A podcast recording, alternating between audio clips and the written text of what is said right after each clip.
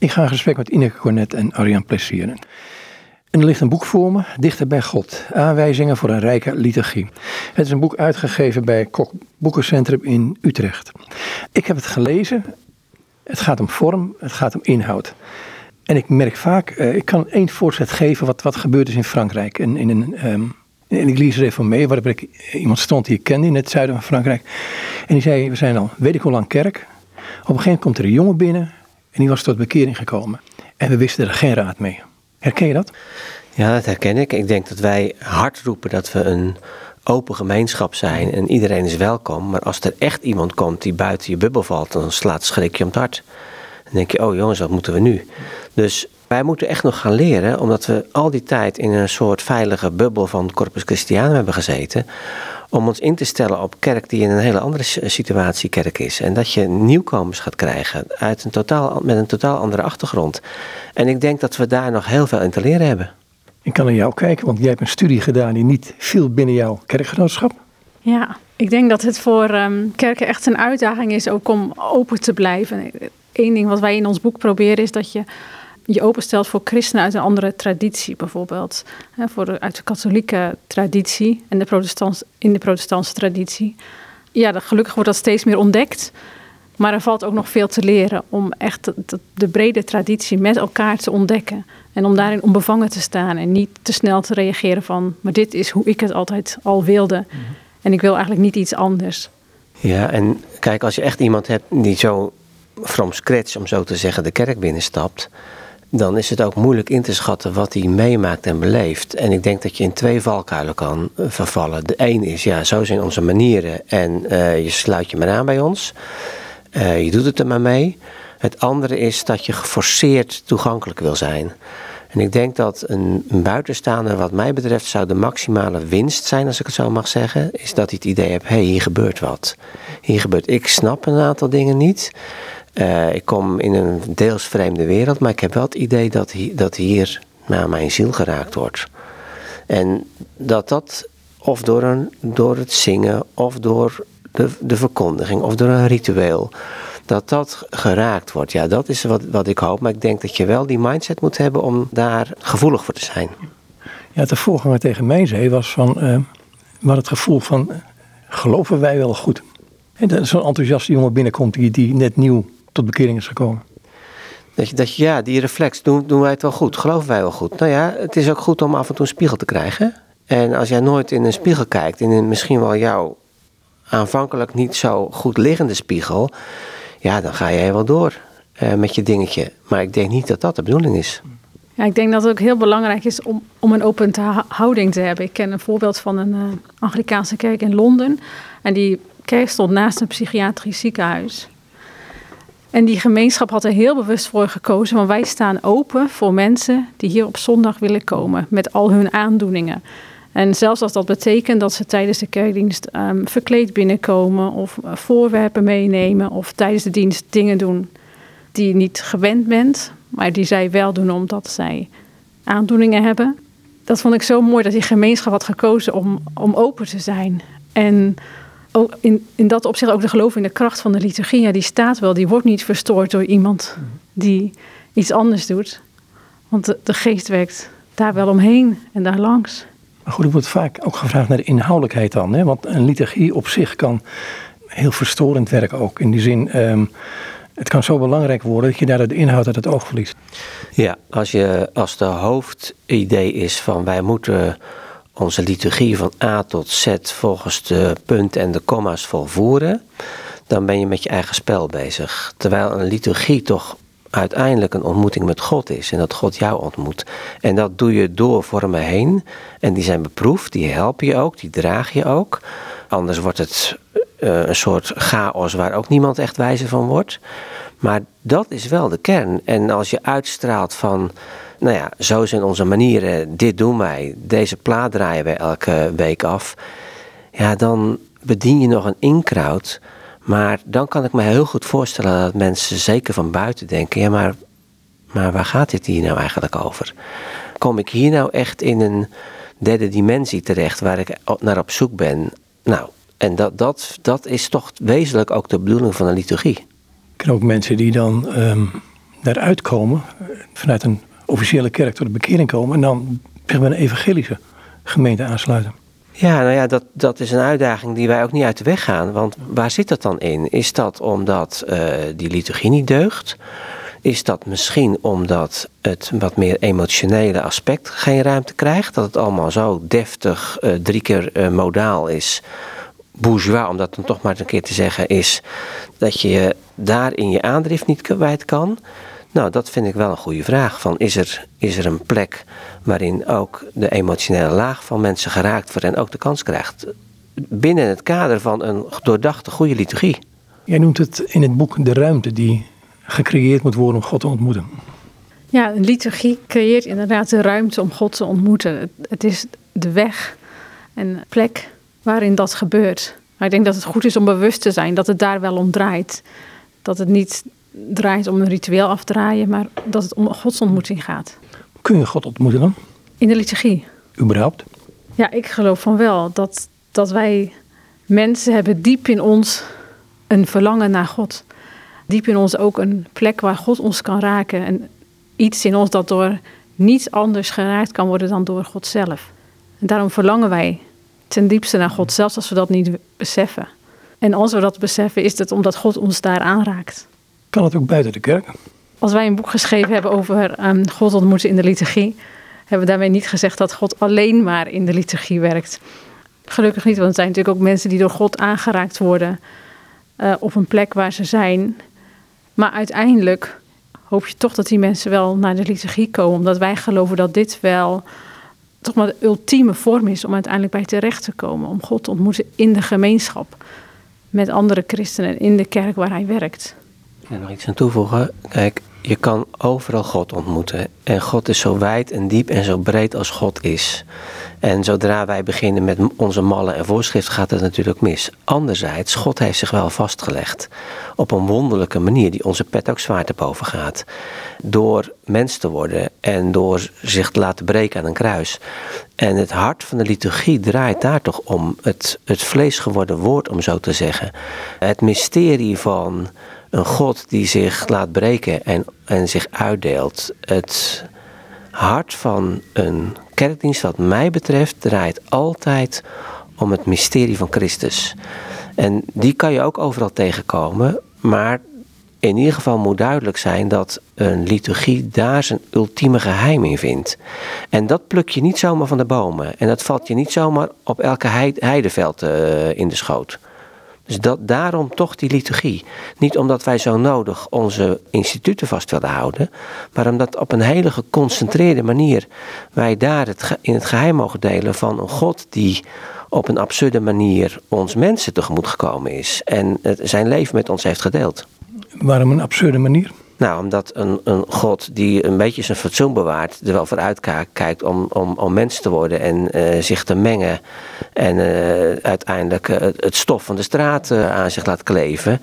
En dan notabene als een, als een naakte man aan een kruis zich laat hechten. Dat is toch voor een God nou niet bepaald comme il faut. En dat doet deze God. En dat is nou het wonder. Dat liefde ook de fatsoensgrenzen van wat een God past, om zo te zeggen, overstijgt wat je liefde valt. En ik ga naar de tijd van de Reformatie toe. Um, je hebt studie gedaan, onder andere naar de Arnhemse mystiek, maar ook naar uh, de Tempel Onze Zielen en um, de Evangelische Perlen. Daar wordt heel sterk aan de hand van de liturgie een soort godsverhouding neergezet. Ja, wat je in de hele middeleeuwse mystieke traditie ziet, is dat men leeft vanuit de liturgie. En waarom? Omdat daarin het Christusgeheim naar voren komt. Dus als we kerst vieren, dan vieren we dat Christus naar de aarde is gekomen, maar we vieren ook dat Christus in ons hart komt. En die twee aspecten die vallen samen. En de liturgie helpt ons daarbij om dichter bij Christus te komen, om ons hart open te stellen voor Christus, die ook in ons wil wonen. Want je zegt, is het openstellen voor God. Um, hoe doe je dat dan?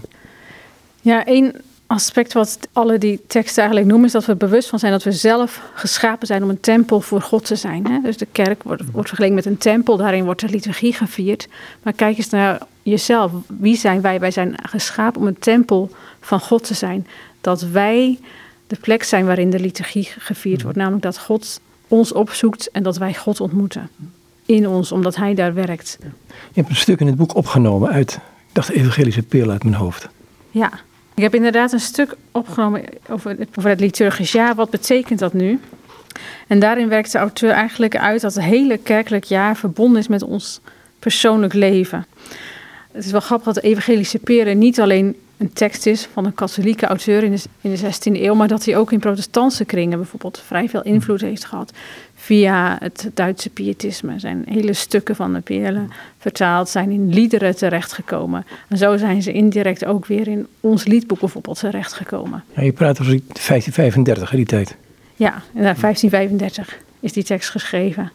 Nou, en die auteur werkt eigenlijk uit hoe, eh, wat er in de liturgie gebeurt, niet alleen buiten ons gebeurt, maar ook in ons. Hè, dat er een innerlijke liturgie is.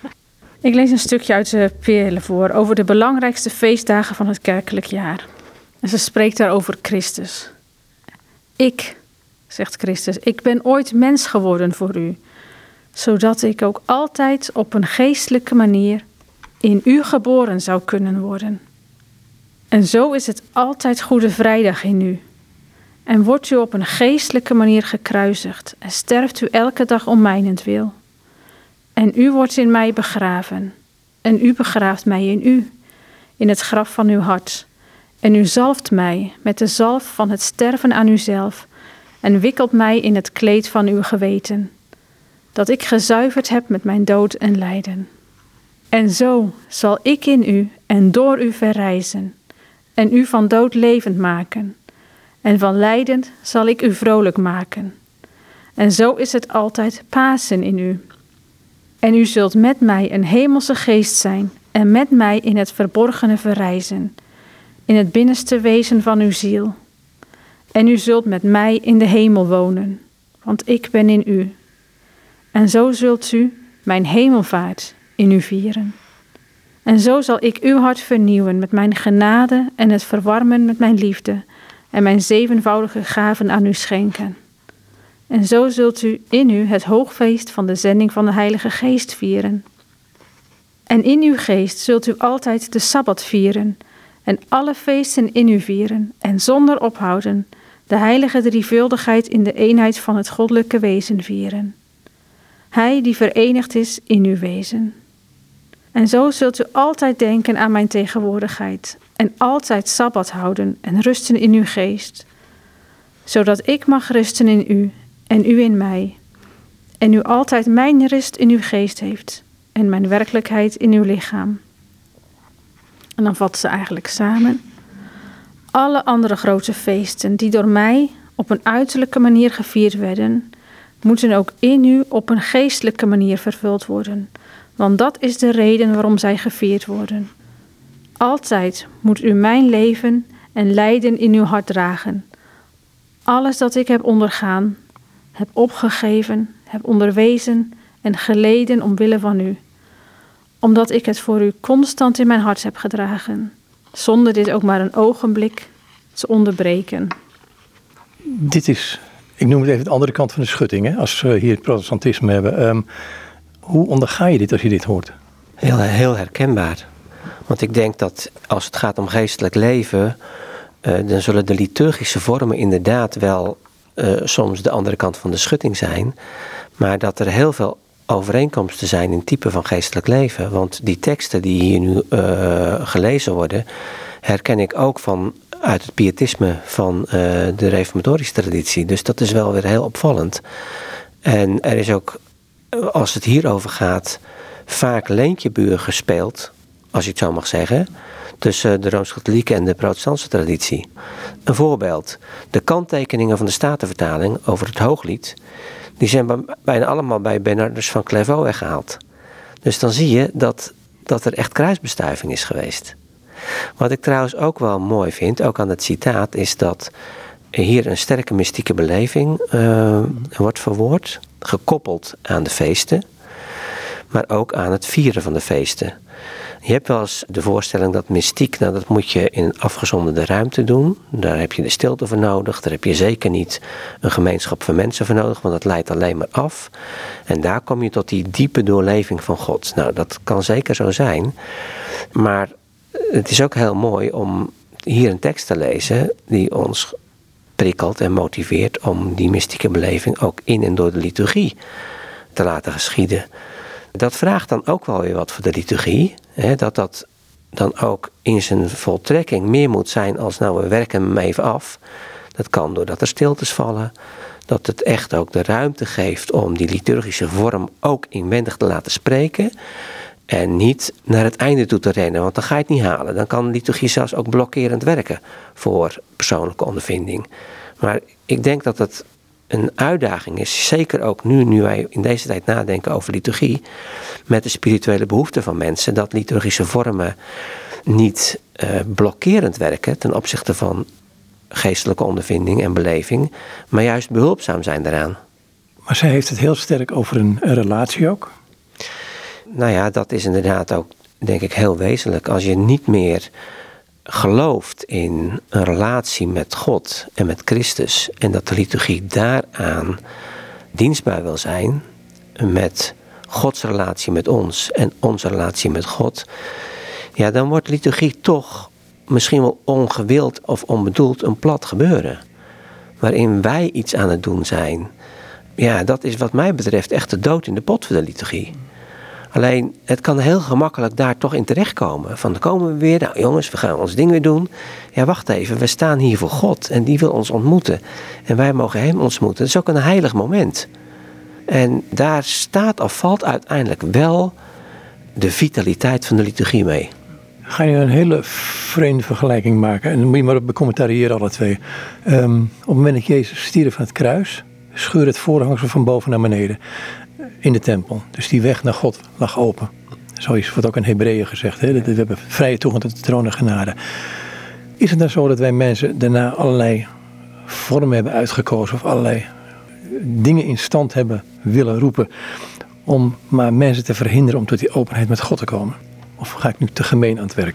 Nou, ik denk dat dat zeker niet het enige wat erover gezegd kan worden. Want ik denk dat heel veel liturgische vormen zijn uiteindelijk vanuit een diepe geloofsbeleving mhm. ontstaan. Het kan een blokkade worden als het niet met de tijd meebeweegt. Dat is iets wat in een bepaalde tijd ontstaan is, bijvoorbeeld een bepaalde taal, zoals het Latijn. Dat dat lange tijd niet veranderd werd, terwijl mensen geen Latijn meer spraken. Dan wordt het een blokkade voor mensen. En ook als bepaalde vormen niet meer uitgelegd worden.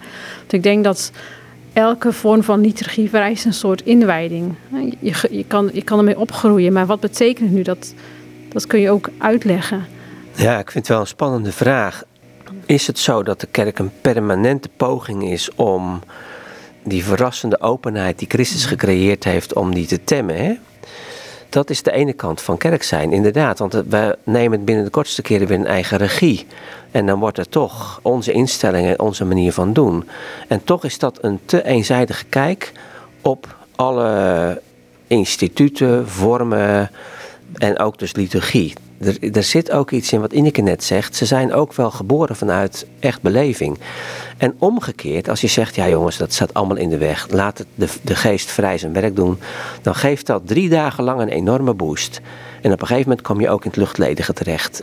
Want zulke geestelijke mensen zijn wij nou ook weer niet. Die het maar kunnen doen met onze enthousiasme en openheid voor de geest. En weg met alle vormen en alle gebaren en alle traditie. Ja, zoals gezegd, dat, dat geeft even dat idee. Ja, nu zijn we bij het echte. Maar dat is ook een keer uitgewerkt. En dan, dan kun je ook gewoon op een gegeven moment alles, alles kwijtraken. En niks meer in handen hebben. Dus die vorm en die geest, gestalte en geest, om het zo te zeggen, die hebben elkaar wel voortdurend nodig. Dat is altijd een spanning, maar je kan niet kiezen of voor het een of voor het ander. Betekent dat je dus als je beide, beide kanten naar binnen laat komen of, of plaats geeft, als ze bij elkaar komen, heeft iedereen, iedereen een woord. Ehm, nou, dat vind ik in veel kerken niet terug. Uh, dan denk ik, nou, je moet die woorden maar voor je houden. Ja, dat is waar. Die charismatische gemeenschap in Korinthe die Paulus aantreft, die staat wel een stukje af van een doorsnee kerkdienst zoals wij die kennen. Op een andere manier misschien wel. Het is ook niet een ideaal plaatje wat daar geboden wordt. Want Paulus die ziet dan ook wel dat er op een gegeven moment chaos dreigt. En iedereen wil ook wel heel graag wat zeggen. En dan ook graag nog in tongen spreken. Dan begint hij ook al te temperen en zegt nou een beetje orde mag er ook wel zijn. Nou ja, dat, dat, dat zie je daar dan wel. Maar ja, hoe kun je inderdaad in ons type dienst de participatie van de gemeente ruimte geven. Daar zijn ook wel voorbeelden van. In mijn eigen kerk werk ik bijvoorbeeld soms met momenten rond de voorbeden, dat er vrije momenten zijn om zelf te bidden, om voor je te laten bidden door anderen, om bijvoorbeeld een, een kaarsje aan te steken, om iets bij te dragen, om een, een gebedselement in een gebedsschaal te, leggen. Dus dat je daarin probeert om duidelijk te maken, bidden doen we hier met elkaar. En bidden is niet, ik zit op een stoel en ik hoor het gebed van de dominee of de voorganger aan. Nou, dat is ook wel zoeken. Uh, hoe je je bestaande vorm, waar ik van houd, hoe je die open kan leggen, breken soms ook, om die ruimte te creëren. Een van onze grote uitdagingen voor dit boek is ook: hoe kom je uit de sfeer van je gaat naar de kerk, je zit op een bank of op een stoel, je laat het over je heen komen en je gaat weer naar huis? Want, Gesticht en wel. Nou ja, dat gebeurt dan gelukkig ook nog wel. Hè? Dus er kan ook een innerlijke participatie zijn. Het is niet zo dat iemand die luistert als een dode pier op, op, op een stoel zit. Er kan heel veel innerlijk gebeuren. Maar onze tijd vraagt denk ik ook wel, omdat die lichamelijkheid een belangrijkere uh, moment in ons leven is geworden, hoe die ook op een of andere manier een eredienst uh, gestalte kan krijgen. Zodat het idee van, ja, ik ben hier ook om iets van mezelf te geven en te brengen aan God, ook echt de ruimte krijgt. Ja, nou inderdaad, deelname aan de eredienst, participatie. Ik denk dat daar heel veel vormen voor zijn. Ik denk dat we die innerlijke deelname niet moeten onderschatten bijvoorbeeld als er iemand in de gemeente bidt, wil dat niet zeggen dat alleen diegene bidt. Maar eigenlijk bidden we met z'n allen. Er is één iemand die daar stem aan geeft. Maar het vraagt van, van degene die luisteren om het ook als jouw gebed te beschouwen. Want ik bid hier mee, ook al laat ik mijn stem niet horen. En ik vind het wel mooi als je op zo'n manier naar een dienst kan kijken. Van ja, we hebben niet allemaal de rol dat we spreken, maar het is wel, wij zijn het wel allemaal die het vieren, die bidden, die God aanbidden. En tegelijkertijd denk ik dat er meer ruimte kan zijn in de protestantse traditie voor die ja, meer lijfelijke vormen. Zoals bijvoorbeeld in de Anglikaanse en katholieke kerk, dat je kunt knielen. Dat je een dienst kunt beginnen door daar zittend te knielen. Willen we het dan heel gewijd maken en hebben we dan geen aandacht meer voor uh, dat er mensen gewoon binnenkomen? Nee, natuurlijk wel. Ja, we zijn ook niet heilig en bijzonder. Maar het helpt je wel om, om te focussen. En om je te realiseren, ja, ik ben hier niet zomaar in de gewone ruimte en ik kom hier niet zomaar op een vergadering. Ik ben hier in eh, het huis van God en ik kom hier omdat God hier werkt en hier spreekt.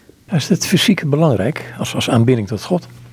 Ja, ik denk het wel. Dat, uh, wij zijn nou eenmaal geest-lichamelijke wezens. En het idee dat met het binnenkomen van de kerk je je lichaam aan de kapstok moet hangen, is niet echt bevorderlijk voor participatie. Uh, dus knielen is, is een lichamelijke houding. Daar druk je heel veel mee uit. Je kan wel zeggen, ja, ik kan God toch ook vereren door gewoon op mijn stoel te blijven zitten. Ja, zeker, dat kan ook. Maar beproef het maar eens een keer. Je zal merken als je ook lichamelijk in beweging komt en je maakt die knieval voor God, dat dat echt wel wat met je doet.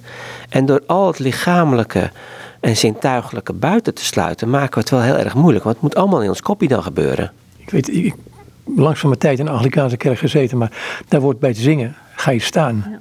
En ik kwam op een gegeven moment in een, ik weet niet wat voor kerk, en dan bleef men zitten bij het zingen en ik vond dat lastig. Ja, ja zeker als het lofprijzing is, hè, dan, dan ga je bijna automatisch staan. En dan, dan omgekeerd voel je dan bijna of je stoel gedrukt wordt als je dat dan niet, niet mag doen. Nou ja, dat is een andere vorm van lichamelijke expressie van wat je aan het doen bent. Heel veel psalmen die drukken het ook uit. Dat je opstaat voor God, dat je klapt in de handen. Ja, geef dat ook de ruimte in je liturgie. Op een doordachte manier, maar doe het wel. Nou, heeft Ineke net een stuk gelezen van de Evangelische Peerlen. Uit Keulen, 1535 uit mijn hoofd. Dus dat was toen nog katholiek. Um, die is in een protestantse kerk. Ja. Die liturgie die is behoorlijk uitgekleed. Ja, misschien zelfs wel ten opzichte van de begintijd van de Reformatie. Dat ook daar toen nog vormen waren. Ik denk, ik weet het niet helemaal zeker, maar ik denk dat het knielen toen ook nog wel gebruikelijk was. Ook in de Reformatorische kerk. Dus je, je ziet dat je ten opzichte van het begin van je eigen traditie ook een verarming hebt doorgemaakt. Kijk, en nu is het niet meer zo. Wij leven nu in een tijd waarin het niet gaat over protestantse kerk, Anglikaanse kerk, Rooms-Katholieke kerk. Het gaat om kerk. Blijft er een kerk in Nederland. En dat moeten we ons wel verdraaid goed realiseren. En dat betekent dat we ook in dat opzicht gewoon ons open moeten stellen voor de input en de rijkdom van andere tradities. Ik blijf echt wel protestant hoor. En als ik denk dat ik er niet meer ben, dan zeggen anderen: Je bent echt nog protestant. Dus dat krijg je toch niet uit je. En dat is ook prima. Dat, daar ben ik door God in geroepen en daar ben ik ook trouw aan. Maar ik kan niet protestant zijn in geslotenheid naar andere tradities. Zeker in deze tijd is dat niet zo. En daarom vind ik het gewoon heel verrijkend om open te stellen voor wat er uit de katholieke en op een andere manier ook wel weer de Pentecostale traditie uh, tot mij komt. En denk ik, als ik me daarvoor afsluit, gaat het niet goed met mij als protestant. De neiging is altijd eerst maar te wijzen. Ja, er zijn natuurlijk heel veel vooroordelen. Hè? Als je bijvoorbeeld eh, in een protestantse context eh, het knielen zou benadrukken, dan zijn er gelijke reflexen. Oh, dat is rooms, dat doen wij niet. Ja, dan ben je natuurlijk gauw klaar. Als je, als je nog in oude vijandsbeelden blijft zitten, dan denk ik dat je heel veilig protestant kan zijn. Maar dan moet je ook afvragen of dan ook op een bepaalde manier de dood niet in de pot zit.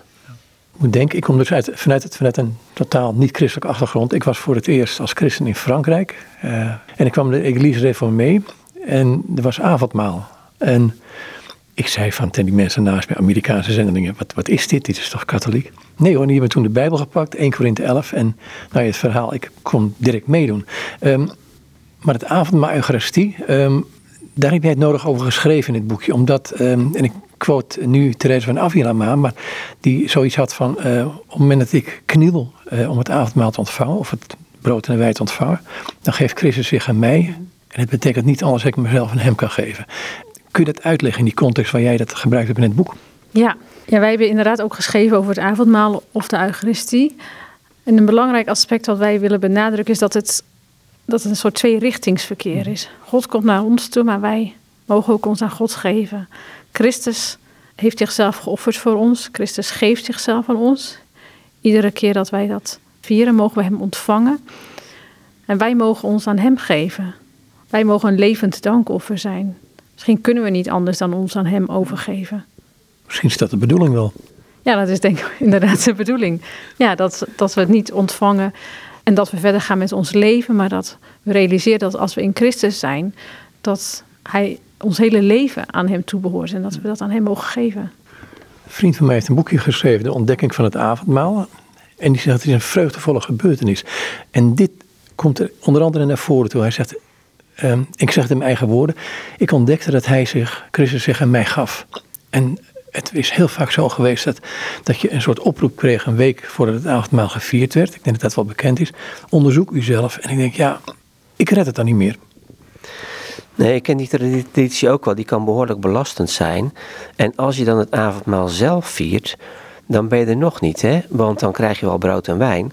Maar je moet mentaal dan aan Christus gaan denken, die uh, zijn leven voor je gaf. Maar dat je hem ontvangt op dat moment in brood en wijn, dat hij zich daarin verbindt naar lichaam en ziel. Dus dat ik helemaal niet die beweging nog eens een keer moet gaan maken van ja, ben ik er nou wel bij? Maar dat ik ook gewoon mag geloven, ja, ik krijg hem, ik krijg hem in mijn handen. Dat is voor mij een grote ontdekking geweest. Maar ik gun dat ook heel veel van mijn protestantse broeders en zusters. Dat ze mogen weten, Christus is werkelijk aanwezig. Wij ontwikkelen niet een theorie in ons boek van transsubstantiatie of niet. Maar we geloven wel in de echte tegenwoordigheid van Christus in en door brood en wijn. Anders spelen we een spelletje. En het is niet een spelletje, het is een hoogst heilig en wonderlijk gebeuren. wat zich elke keer weer afspeelt in de viering van het Heilige Avondmaal of de Eucharistie. En feitelijk zijn heel veel protestanten zijn Zwinglianen. Wij herdenken door middel van brood en wijn Christus die zich voor ons gegeven heeft. Maar dat we beseffen, en dat heeft Calvijn trouwens ook zelf nog gezegd, dat haalt Ineke ook aan, dat Christus onder ons is, in en door brood en wijn ja, dat zijn we te veel kwijtgeraakt. En daardoor gaat er iets van de vreugde van het avondmaal weg. Want vreugde ontstaat doordat je ontvangt, doordat je het krijgt. En niet doordat je nog van alles moet. Ja, gewoon de gedachte dat Christus zichzelf in jou geeft. Dat is op zich al genoeg om de rest van je leven maar heel stil te zijn en dankbaar te zijn. Hè? Ja, ik ben dan dominee. En als er dan die mensen komen en die doen hun hand zo open. Dan zie ik die, die handen, sommige mooi, sommige vereeld. Oude handen, gerimpelde handen, kinderhanden. En dan mag ik brood inleggen. En dan mag ik gewoon geloven, nou leg ik eigenlijk Christus in je hand. Je hoeft het alleen maar op te eten. Dat is toch geweldig? Ja, ik denk dat dit ook aan de spanning raakt. Dat veel protestantse kerken ook eigenlijk hun eigen erfenis voor een deel zijn kwijtgeraakt. Als Calvijn nog kan zeggen, we noemen het brood dat we krijgen het lichaam van Christus, want het biedt ons Christus aan. En als Luther nog kan zeggen, ik, kan, ik ben door God geroepen om iedere week het avondmaal te vieren. Maar vergelijk dat eens met de gemiddelde protestantse kerk. In de PKN is een onderzoek geweest naar hoe vaak het avondmaal wordt gevierd ook. En dat is maar in 2% van de gemeente wordt het iedere week gevierd. Dus dan merk je die afstand die er is qua frequentie, maar ook inhoudelijk. Dat wij dat het idee dat Christus als levende in ons midden is en niet alleen iemand aan wie wij moeten denken. Ja, dat is vaak toch weggezakt. Dan wordt het een symbool. We krijgen brood en wijn. Maar dat het ook werkelijk Christus is die zich aan ons geeft. Dat vinden veel protestanten echt moeilijk om uit te leggen. Want Christus leeft door zijn geest in ons. Ja, dat is ook zo. Ja, maar de geest werkt ook in de kerk en langs de sacramenten. Daarom is het ook een sacrament. God werkt daardoor en Christus geeft zichzelf aan ons. Omdat het geloof meer is dan iets wat wij bewerken door, door ons denken, door te bidden. God komt helemaal radicaal naar ons toe. En je zei van hij leeft door ons, uh, in ons door de geest. Ja, zeker. Maar die geest is niet los verkrijgbaar. Die is altijd gebonden aan de tastbare vorm waarin God verschenen is. Anders zien we dat als een soort trap van een raket. Nou, leuk dat, dat uh, God tijdelijk mens geworden is. Nou, dat is dan gebeurd en die valt er dan af en nou zijn we dan weer in de geest. Nee, het is elke keer weer ook die lijfelijke gestalte van God. Daarom lezen we ook het evangelie niet als toen deed Jezus een wonder en toen... Nee, dat is een actueel gebeuren. Dat gebeurt steeds weer. En in het avondmaal krijgt dat als het ware een, een verdichting. Dat vlees en bloed, dat is zo belangrijk. Uh, we zweven niet ergens boven de markt. We zijn mensen van vlees en bloed. God is vlees en bloed geworden. En als je dat kwijtraakt, dan kan je misschien wel heerlijk de ruimte van de geest ingaan. Maar ja, op den duur vraag ik me dan ook af, wat voor zijn geest is dat en hoe hou je dat dan vast? Ga naar van Lyon, um, dan rond het jaar 100 of net daarna mijn hoofd. Um, daar kwamen de gelovigen en brachten hun gaven. En vanuit die gaven werd het brood en de wijn gedeeld. Ja, nou, daar speelt dan nog heel duidelijk mee, ook in de vorm, dat het heilig avondmaal of de Eucharistie ook echt die dubbele ontmoeting is. God geeft zich aan ons in het offer van de zoon. En wij offeren ons op aan God. Dat is natuurlijk heel wat anders dan dat je zegt: ja, ik geloof wel, maar ik vind het wel moeilijk en ik hou altijd een beetje afstand, een soort gereserveerd voorbehoud. Of dat je zegt: ja, maar nou moet je jezelf ook gewoon kunnen geven aan een God die zich aan jou geeft. Durf het maar. En dat kan dan ook in de tastbare vorm dat je materieel gaven meeneemt, die je op de tafel legt en die jou representeren. En die ook echt dan concreet maken dat, dat een wederzijdse ontmoeting is tussen God, God en jou en ons. Dat is op een gegeven moment los van elkaar gekomen. Nou, ik denk dat dat element van dat wij ook offeren en dat wij zelf ook een offer zijn, misschien wel in protestantse kringen uit angst dat we daarmee denken dat we uit werken gerechtvaardigd worden. Want dat zit natuurlijk altijd als een spook, hangt dat, hangt dat ergens ook. Dat dat, dat wat, wat afgezwakt is en dat er zoveel aandacht, terechte aandacht is voor God die zich aan ons geeft, dat die andere kant, misschien nogmaals uit angst dat je daarmee een soort verdienstelijkheid in het geloof zou brengen, dat je die andere kant dan kwijtraakt. En, maar die hoort wel wezenlijk niet alleen bij de avondmaalsvieringen, maar eigenlijk bij de hele liturgie. Nou ja, zelfs het, uh, het klassiek gereformeerde avondmaalsformulier, zoals dat in de Nederlandse kerken gebruikt werd, bid dat wij ons hoe langer hoe meer aan Christus overgeven. Dus dat concept zat er nog wel in, maar het is heel lastig om dat vast te houden, denk ik, in de protestantse traditie, omdat er ook heel veel nadruk op de genade is. Maar ik wil wel een mooi citaat voorlezen van uh, John Henry Newman. Mhm. Over hoe wij ons aan Christus overgeven. Dus hij zegt: Christus heeft zich aan ons, heeft zich voor ons geofferd. En dan zegt Newman: Mijn Heer, ik op mijn beurt offer u mezelf als een offer van dankzegging. U bent voor mij gestorven en in ruil daarvoor geef ik mij helemaal aan u over. Ik ben niets van mijzelf. Eigenlijk drukt hij schitterend uit van Christus offer. dat kun je eigenlijk alleen maar beantwoorden door jezelf over te geven. Niet van in de zin van ik breng een offer, dan doe ik ook iets, maar in de zin van volledige overgave. Ja, dan geef je het heft uit handen en dat is een lastige voor ons als autonome mensen. Ja, zeker. En dat zit dan toch wel diep in onze ziel hoor. Nou, waar ik het net over had, een soort voorbehoud, gereserveerdheid, eh, je kaarten tegen de borst houden en moeilijk komen tot aanbidding, loskomen van jezelf, je overgeven aan wat groter is dan jou of wie groter is dan jij. Ja, dat zijn geen dingen die cultureel gevoed worden. Maar aan de andere kant is de kerk dan misschien nog wel de enige plek waar je echt een keer los van jezelf kan komen. Van dat ikje waar het altijd maar om moet draaien, waar je soms ook doodmoe van kan worden. En dat je mag komen tot, tot die overgave aan iemand aan wie je over kan geven en die het waard is om je aan over te geven. Dat betekent dat er iemand buiten jou is die groter is dan jij bent en dat je misschien wel een eeuwige ziel hebt. Ja, dat is ook zo. Kijk, wij zouden niet kunnen aanbidden en die verering naar God kunnen hebben als we daar niet een aandrift in onszelf zouden hebben. Maar je kan die ziel natuurlijk ook met tonnen uh, zand bedekken. En dan, dan ademt hij niet meer. Dan moet hij opgegraven worden. En wij zijn zo werelds geworden. Het is altijd in de interactie met de wereld, met de honderdduizenden berichtjes die je alleen al krijgt. Dat die, die diepste grond van onze ziel ook gemakkelijk in de verdrukking kan komen. Die blijft er wel. Want elke keer schept God weer mensen met die aandrift. Maar die komt in de verdrukking. En de kerk is een plek die ruimte schept om juist dat wat we in ons dragen de kans te geven. En ik hoop ook dat mensen het zo ervaren van eindelijk een keertje los van de agenda van deze wereld, van overal maar bij zijn, overal maar assertief op reageren en eindelijk een plek waar ik open kan gaan en me kan toevertrouwen aan een God die ook fascinerend is. En gebed, jullie zeggen terecht in het boek, ik dacht dat jij dat deed in het stukje. Ehm, het is iets wat je gezamenlijk doet, maar ook alleen kunt doen. Uh, kun het uitleggen? Nou, ik denk dat uh, daarbij de orde van diensten helpt om een duidelijk onderscheid te maken. Dus wat voor soort gebeden zijn er nu eigenlijk? We beginnen een dienst met, uh, met het staan voor God, met een verootmoediging, met een gebed om ontferming. En na de preek volgen de voorbeden.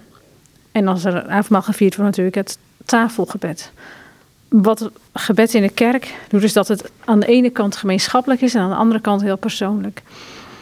Dus we bidden altijd met elkaar en voor elkaar. Niet alleen voor onze gemeenschap van de lokale kerk, maar voor de, voor de hele wereldkerk. is eigenlijk opgenomen in ons gebed. We bidden mee met alle die lijden, alle die vervolgd worden, alle die ziek zijn. En we dragen die op aan, aan Godse Vader. Tegelijkertijd kan maar één persoon, in ieder geval in de klassieke liturgie, is er één persoon die daaraan stem geeft. Maar we bidden dat wel mee. En eh, bidden is toch wel dat radicale moment van nou spreken wij God aan. En een voorganger die het idee heeft dat hij middels zijn gebed toch nog uh, aan het uitzenden is naar de gemeente, ja, die mist toch iets wezenlijks van wat bidden is. Dan haal je eigenlijk die twee lijnen door elkaar. In de liturgie zitten er twee lijnen. Van God komt naar ons toe en wij de hele gemeente richt zich tot God. En de voorganger die staat in het midden, in de mm. kruispunt van die twee lijnen. Die spreekt namens God bijvoorbeeld woorden van vergeving uit. Namens God spreekt hij. Maar hij bidt namens de gemeente tot God. Dat is wel een heel wezenlijk verschil. Ik was ooit in het kerk in Garderen met een voorganger. Hij is overleden inmiddels eh, door een ongeluk. En die zei tegen mij toen, um, het is een heel nauw pad naar de preekstoel toe. Uh, klein kerkje. Um, en hij zei van, als ik hiervoor moet gaan, dan moet ik dus de last van die hele gemeente dragen als eenling die ervoor staat. Herken je dat? Ja, dat herken ik wel. Dat is natuurlijk een, een, een vraag naar ook de spiritualiteit van de voorganger. Hè? Hoe sta je er nou in? Uh, dit is natuurlijk nogal wat. Als jij in je eentje de hele last van die gemeente moet dragen en dat week op week. Ik, ik denk dat je daar heel snel burn-out van raakt. Als je, als je het zo, zo voelt. Ja, daarom begin je toch ook een dienst. Gelukkig met onze hulp is in de naam van de Heer. Dat geeft ook ontspanning. Van ja, jongens, maar ik ga me niet een performance doen. En, en ik ben niet de grote bemiddelaar tussen God en de gemeente. Dan ga ik gewoon aan kapot. Ik ben ook maar iemand die, eh, die wat doet. Ja, met alle respect natuurlijk, hè. Anderzijds is het ook wel goed om te beseffen, ja, dit is wel een heilig gebeuren. Ik word wel uiteindelijk gevraagd om dienstbaar te zijn aan die ontmoeting tussen God en de gemeente. Uh, dus zomaar aankomen rennen van, oh ja, uh, vijf minuten van tevoren en huppakee mijn togen over mijn schouder gooien. En dan gaan we weer. Ja, dat is ook bepaald niet wat het moet wezen. Is, is daar een, een manier voor om dat goed te doen? Ik vraag het me af trouwens. Ja, ik vraag het me ook af. ja, daar, daar, daar zijn geen uh, recepten voor. Um, kijk, voor mijzelf is het belangrijk dat ik op zondagmorgen tijdig begin, ook in de persoonlijke voorbereiding op de dienst. En dat ik tijdig in een kerkgebouw ben. En omdat het een belangrijk gebeuren is, we zijn ook weer met elkaar, we vormen op dat moment ook weer een zichtbaar lichaam. En uh, ja, als je hoge waarde hecht aan de liturgie, en dat doe ik, dan betekent ook iets voor jou als voorganger. En tegelijkertijd besef ik wel van, trek het niet naar je toe. Het is God die de gemeente ontmoet. En je bent niet meer dan een nederige dienaar daarvoor. En omgekeerd, de gemeente die, die God ontmoet. En ook daarin ben ik een, een nederige dienaar. En je blijft altijd een beetje heen en weer zwiepen hoor. Ik, ik geloof niet dat ik ooit de goede vorm, het goede format ga ontdekken. Maar ergens tussen die twee polen gaat het heen en weer. Ja, ik zat nog, uh, ik moest nog even denken over, als we nu bidden in de kerk, wat doen we dan met elkaar? En ik vind zelf dat zo iemand als Cyprianus van Carthago heeft dat echt heel mooi uitgelegd. Want hebben, hebben we er wel eens over nagedacht dat we het onze vader bidden? Dat we zeggen onze vader in de hemel. En dat we niet bidden mijn vader in de hemel. En dat we bidden geef ons ons dagelijks brood. En vergeef ons onze schulden. Waarom doen we dat? Omdat we het lichaam van Christus in onze gebeden meenemen. We bidden niet alleen mag ik vergeving krijgen en de rest maakt me niet uit wat er met die ander gebeurt. We bidden het voor elkaar. Wat je in het boekje ook doet, en daar begin je eigenlijk mee, meer of meer, dacht ik uit mijn hoofd, um, is enorme nadruk leggen op het woord, de Bijbel. Als voor jou heel wezenlijk en ook met respect behandeld dient te worden. Nou ja, kijk, een liturgie is natuurlijk meer dan Bijbel. Dat, uh, ik denk dat we dat in ons boek ook duidelijk genoeg maken. Maar dat de Bijbel daar een belangrijke rol in, speelt, is duidelijk. Dat, dat geldt trouwens bijna voor alle denominaties in de christenheid. Dat uh, we een bijzondere plek geven, ook letterlijke plek, aan het woord van God. Dat is ons gegeven. We, we, zijn, we geloven niet in een boek, maar we zijn wel heel erg gelukkig dat er een boek is waaruit gelezen kan worden. En waar je dan inderdaad ook, vind ik, met, met eerbied en respect mee om moet gaan. Het voorbeeld, ja, nou, dan ga ik het toch noemen. Het voorbeeld van een, uh, wat een evangelist die met een Bijbel zwaaiend over het podium loopt, dat is voor jou bijna ondenkbaar. Ja, ja, ik bedoel, ik sta open voor heel veel verschillende vormen en uh, ik ben niet het figuur om te zeggen, hé, hey, dat is fout. Alleen ik vind het grote nadeel hier dat Bijbel en voorganger te veel versmelten. Alsof het een twee-eenheid is. En er moet iets blijven van. De Bijbel is een eigen instantie. Die lezen we, die hebben we zelf niet bedacht. Die spreekt zijn eigen taal. En vervolgens is de rol van de voorganger om iets van die betekenis van wat je gelezen hebt over te brengen naar, naar de gemeente. Maar met een Bijbeltje in je hand lopen suggereert bijna alsof jij het woord beheerst. En alsof het samenvalt met jouw performance daar op dat moment. En het moeten er altijd twee blijven. En als dat niet gebeurt, dan krijg je heel gauw dat de geestelijke voorganger um, ongeveer samenvalt met het geschreven woord. En dan legt het geschreven woord het uiteindelijk af ten opzichte van de vertolking van de voorganger.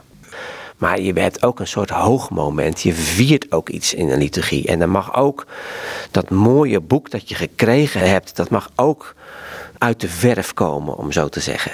En daarom zou ik geen voorstander zijn van niet een eigen schriftlezing. En niet ook een mooi boek waaruit je leest. Dat kan je makkelijk allemaal betalen. Zorg dat je ook een mooie Bijbel hebt waaruit gelezen kan worden. En dan komt er een vervolgens, nadat dat gebeurd is, komt er een menselijke poging van een voorganger om als het ware een brug te slaan tussen de schrift van toen en het leven van nu. Maar is het belangrijk dan om thuis gewoon de Bijbel te lezen? Nou ja, ik zou natuurlijk een slechte protestant zijn als ik dat zou. want ik ben ook wel eens in, het, uh, in de Libreien geweest in, in uh, Zutphen. En dan zie je daar uh, de Bijbel in de bibliotheek en die ligt aan de ketting. Hè? En dat is een beetje het symbool van. Maar Reformatie heeft juist die Bijbel van die ketting los willen maken. Ik geloof trouwens dat het een beetje een karikatuur is. Maar dus ja, nee, je leest ook zelf die Bijbel. Want natuurlijk ben je wel receptief ten opzichte van wat de kerk zegt. Maar je bent toch zelf ook een mondige gelovige. Dat woord mag je ook zelf lezen. Dus je hebt in je, in je huis en je leest er. Dat is nou echt misschien wel het kenmerk van protestantisme. Je leest ook zelf de Bijbel. En je geeft er in je huis liturgie op een of andere manier ook vorm aan. Ja, ik denk inderdaad dat het belangrijk is om dat verschil te maken tussen wat doe je thuis en hoe doe je het in de liturgie. En natuurlijk lezen we thuis de Bijbel en is dat belangrijk. Maar in uh, de eredienst laat je daarmee denk ik ook duidelijk zien dat het Bijbel gegeven is aan iedereen. Als die Bijbel daar in het midden van de gemeente ligt, op een lectionarium of op een standaard, dan laat je zien, dit woord ligt in de gemeente en dat is aan ons allemaal gegeven. Er zijn er tegenwoordig die prachtige mobiele telefoons, die iPhones, met daarin Bijbelgedeeltes. Eh, het is hartstikke mooi dat je die teksten overal bij kan hebben en je hoeft niet meer een boek mee te nemen, je pakt je telefoon. Maar in een kerkdienst echt een iPhone te pakken en dan de tekst voor te lezen, ja, ik vind het geen stijl hebben hoor. Maar ja, misschien ben ik wel iemand uit de oude doos. Maar nogmaals, ik vind ook die. Kijk, ook dan gaat de tastbaarheid weer wegvallen. Want een iPhone, dat is zo'n dingetje, maar een boek. Dat is ook iets van vlees en bloed bijna. Hè? Uh, van materieel. Van, dat zien we met z'n allen. Ik zie niet wat die man leest op zijn iPhone. Ik zie wel zijn iPhone, maar dat heeft totaal geen waarde. Je bent de jongste van ons drieën. Ja, ik gebruik inderdaad ook een iPhone thuis. Maar ik kan me echt helemaal niet voorstellen dat dat in de kijkdienst zo gebruikt wordt. Ja, en ook eh, niet voor het lezen, omdat die Bijbel zo mooi tastbaar dan in de gemeente ligt. Maar ook niet voor het meelezen, denk ik. Want het is ook belangrijk dat we horen. Dat we, een kerkdienst is geen vergadering waar we allemaal onze eigen Bijbelteksten zitten te lezen. We luisteren daarnaar met elkaar. Daar, dat is waar. Ik, ik denk toch ook wel dat het gebruik van in het protestantisme om je eigen Bijbel mee te nemen en mee te lezen, vind ik wel mooi. Uh, dat sluit het luisteren en horen niet uit. Maar je kan nog eens even teruglezen. Nu wordt een tekst vaak gebeamerd, dus je kan horen en lezen tegelijk. Maar ja, daarna is die tekst ook weer weg. Dus dat er even teruglezen, dat is, is er niet meer bij. Dat vind ik wel een, een, een nadeel. Ik zie het ook in mijn eigen gemeente gebeuren. Mensen nemen niet meer een Bijbel mee, want het wordt wel gebeamerd. Ja, het scheelt weer een boek mee sjouwen natuurlijk, maar ik vind eigenlijk toch wel jammer.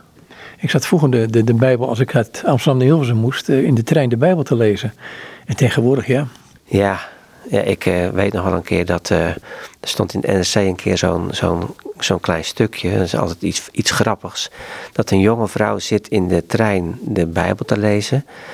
En dan zegt er op een gegeven moment de man die tegenover zit, ziet, ziet er een beetje uh, smoezelig uit. Die zegt, nou weet je dan niet dat God dood is? Waarop die vrouw zegt, nou heb je een overlijdingskaart gekregen dan? Uiterst sterk. ja, het is heerlijk als je ad rem kunt reageren. Um, dit boek, Dicht bij God, eh, wat, wat wil je ermee? Ja, uh, wij hebben dit boek geschreven als liefhebbers. Wij, wij geloven in, uh, in de schoonheid en, en de, de kracht van liturgie. En we willen ervoor staan. En we weten ook wel dat we ongeveer een, een, een gemarginaliseerd gezelschap zijn. Maar wat er in de marge gebeurt is belangrijk. Weet wat ons gegeven is. Dat is de ene kant. De andere kant is dat we ook wel zien dat liturgie, uh, en wij schrijven vooral voor de, de protestantse context, dat daar ook wel vragen zijn. Ja, hoe nu verder? Hoe doen we het nu? Soms lijken bepaalde vormen niet meer goed te werken. Hoe ga je dan verder? Ja, dan kun je in paniekvoetbal terechtkomen. Dan gaan we een leuk liedje ertussendoor gooien. Ja, dat gaat geen oplossing geven. Dus het is vanuit de, de de vreugde van ons over liturgie. En dit mogen we niet kwijtraken. En tegelijkertijd de uitdaging ook van de liturgie.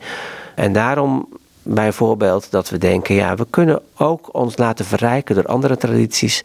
Zonder dat we daarmee onze eigen traditie uh, afzweren of zo. En nou, dat is, ik denk dat heel veel kerkenraden ook door de, de, veranderende cultuur waarin wij zitten, echt vragen hebben bij hoe, hoe doen, wat is eigenlijk ook weer liturgie en hoe doen we dat nou? Nou, dan hopen wij met het boek ook aanwijzingen te geven voor een betekenisvolle en rijke liturgie. Een zoektocht nog steeds. Ja, het zal altijd een zoektocht blijven, want uh, de geest beweegt mee in de tijd. Wij, wij gaan ook weer verder in de tijd. De dingen liggen nooit voor, voor altijd vast. En zeker in onze tijd met echt uh, die, die, grote afstand tussen kerk en cultuur, moet je vanzelf ook wel die vragen stellen van wat betekent het nou? Betekent het dat we de cultuur achterna hobbelen? Nee. Betekent dat we ons totaal niet gelegen laten liggen aan de cultuur waarin we leven? Nee. Wat dan? Hoe doe je het dan? En dat is denk ik ook waar ons boek, in dat veld beweegt ons boek zich. Is, is, er dan, is er dan ook die, die, die, dat spanningsveld tussen, het kan niet heel uh, controlerend zijn, bijna, naar de, de ruimte geven. En wat is die ruimte? Een ruimte bestaat ook weer bij gratie van een veld. Alleen maar ruimte word je compleet duizelig van. Dus er zijn contexten, er, er is een gebinte. En dat is ook heel waardevol. Maar ons boek vervalt niet in zo moet het. Het is maar even dat je het weet. Het zijn aanwijzingen met alle begrip voor dat contexten verschillend kunnen zijn. En dat in verschillende contexten dit boek dan ook verschillend gelezen kan worden. En dat, wij, dat je niet denkt van nou hier zijn twee grote deskundigen die ons even vertellen hoe liturgie moet. Um, je hebt veel geput uit die mystiek. En, en ik bedoel mystiek niet als het kaarsje branden en, en, en het mistige gebeuren, maar gewoon die ontmoeting met God die er kan zijn, die er is. Um, waarin ook het woordje liefde heel sterk naar voren komt. Ja, het was voor mij wel een ontdekking dat die mystieke literatuur, die draait om de liefde van God voor ons, die wij mogen ervaren. Dat die juist ook heel sterk put uit de liturgische traditie. Dat die twee niet tegen elkaar mhm. uitgespeeld worden. Dat een liturgie dus daaraan kan bijdragen, dat hij kan helpen, dat men kan ervaren dat in de kerk, in de liturgie, komt God naar ons toe. Geeft zichzelf aan ons. In het sacrament geeft Christus zich aan ons in het brood en in de wijn als zijn lichaam en zijn bloed. En dat, als je er zo naar kijkt, dan is dat een ultieme ontmoeting tussen Christus en ons, wat daar gebeurt. En dan kom ik bij het hooglied terecht, wat eerder genoemd is door uh, Arjan. Ja, het hooglied is een van de manieren om daar naar te kijken. Zoals je bijvoorbeeld bij Bernard van Clairvaux mm. ziet. Die zegt, waar draait het nu om in het hooglied? Dat is de liefde tussen God en ons. Die ongelooflijk diepe liefde die God heeft, die heeft hij laten zien in zijn zoon. En in zijn zoon is die liefde er voor ons. Nou, jou ook de vraag, uh, waarom dit boek? Ja, een boek kun je natuurlijk nooit helemaal uh, loszien van de eigen weg die je als auteur gaat. Er zijn eigenlijk twee aspecten die mij heel erg geholpen hebben om de liturgie beter te begrijpen. Aan de ene kant is de mystieke traditie, dat ik zag van, oh, daar zit echt een hele diepe godsontmoeting en godservaring, die zij ook aan de liturgie kunnen koppelen. En het tweede is uh, ja, mijn eigen weg langs de Anglikaanse kerk. Dat ik daar merkte van zo'n liturgie waar ik kan knielen en iedere week het avondmaal vieren. Van stilte, momenten in de dienst. Dat helpt mij in mijn ontmoeting met God, om daarbij stil te staan. Ja, dat heeft invloed op mij gehad en dat zit natuurlijk ook in het boek. En daaraan gekoppeld eigenlijk dat je merkt dat in de protestantse traditie, waar ik nu weer in terecht ben gekomen, dat je daar ook graag iets van mee wilt geven. Niet om nou te zeggen, nou dit is nou het enige waar je naar moet kijken en dit is hoe het zit. Maar die ongelooflijk mooie katholieke liturgie, die heeft ons echt wel wat te bieden. Daar moeten we niet alleen maar naar kijken van, dat, dat is toch Rooms. Nee, het zegt ook iets, heeft ons ook iets te zeggen. En daarom hebben we ook gespreksvragen aan, achter ieder hoofdstuk gedaan, omdat het aan iedere lokale gemeente weer de uitdaging is van hoe werk je dat nu uit? En wij hebben hier niet het antwoord. implementeer dat maar.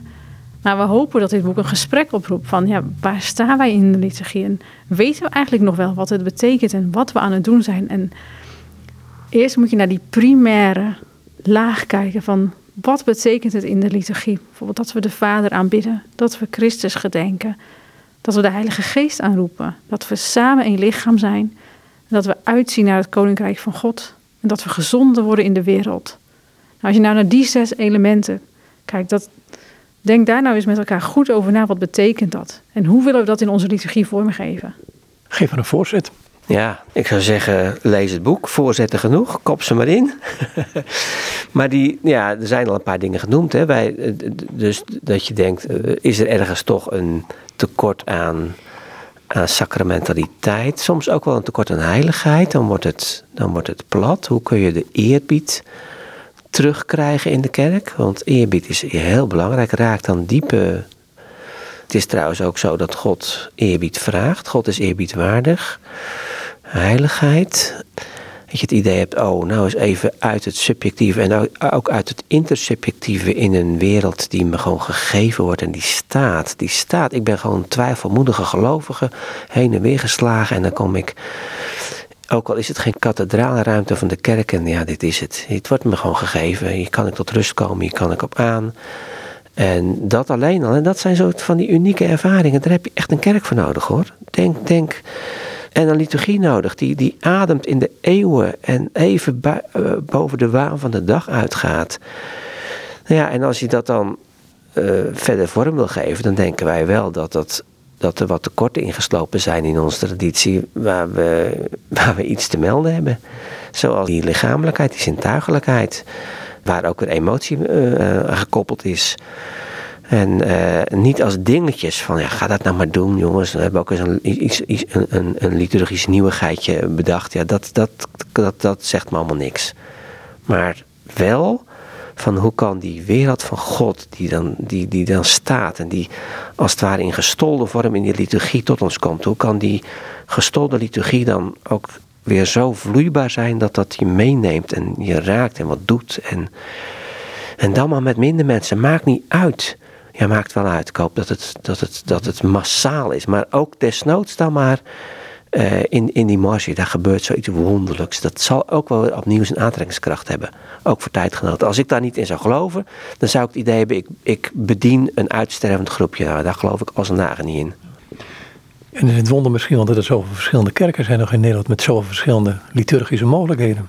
Nou ja, dat is ook alweer de rijkdom hè, van, van, uh, van ons, ons land.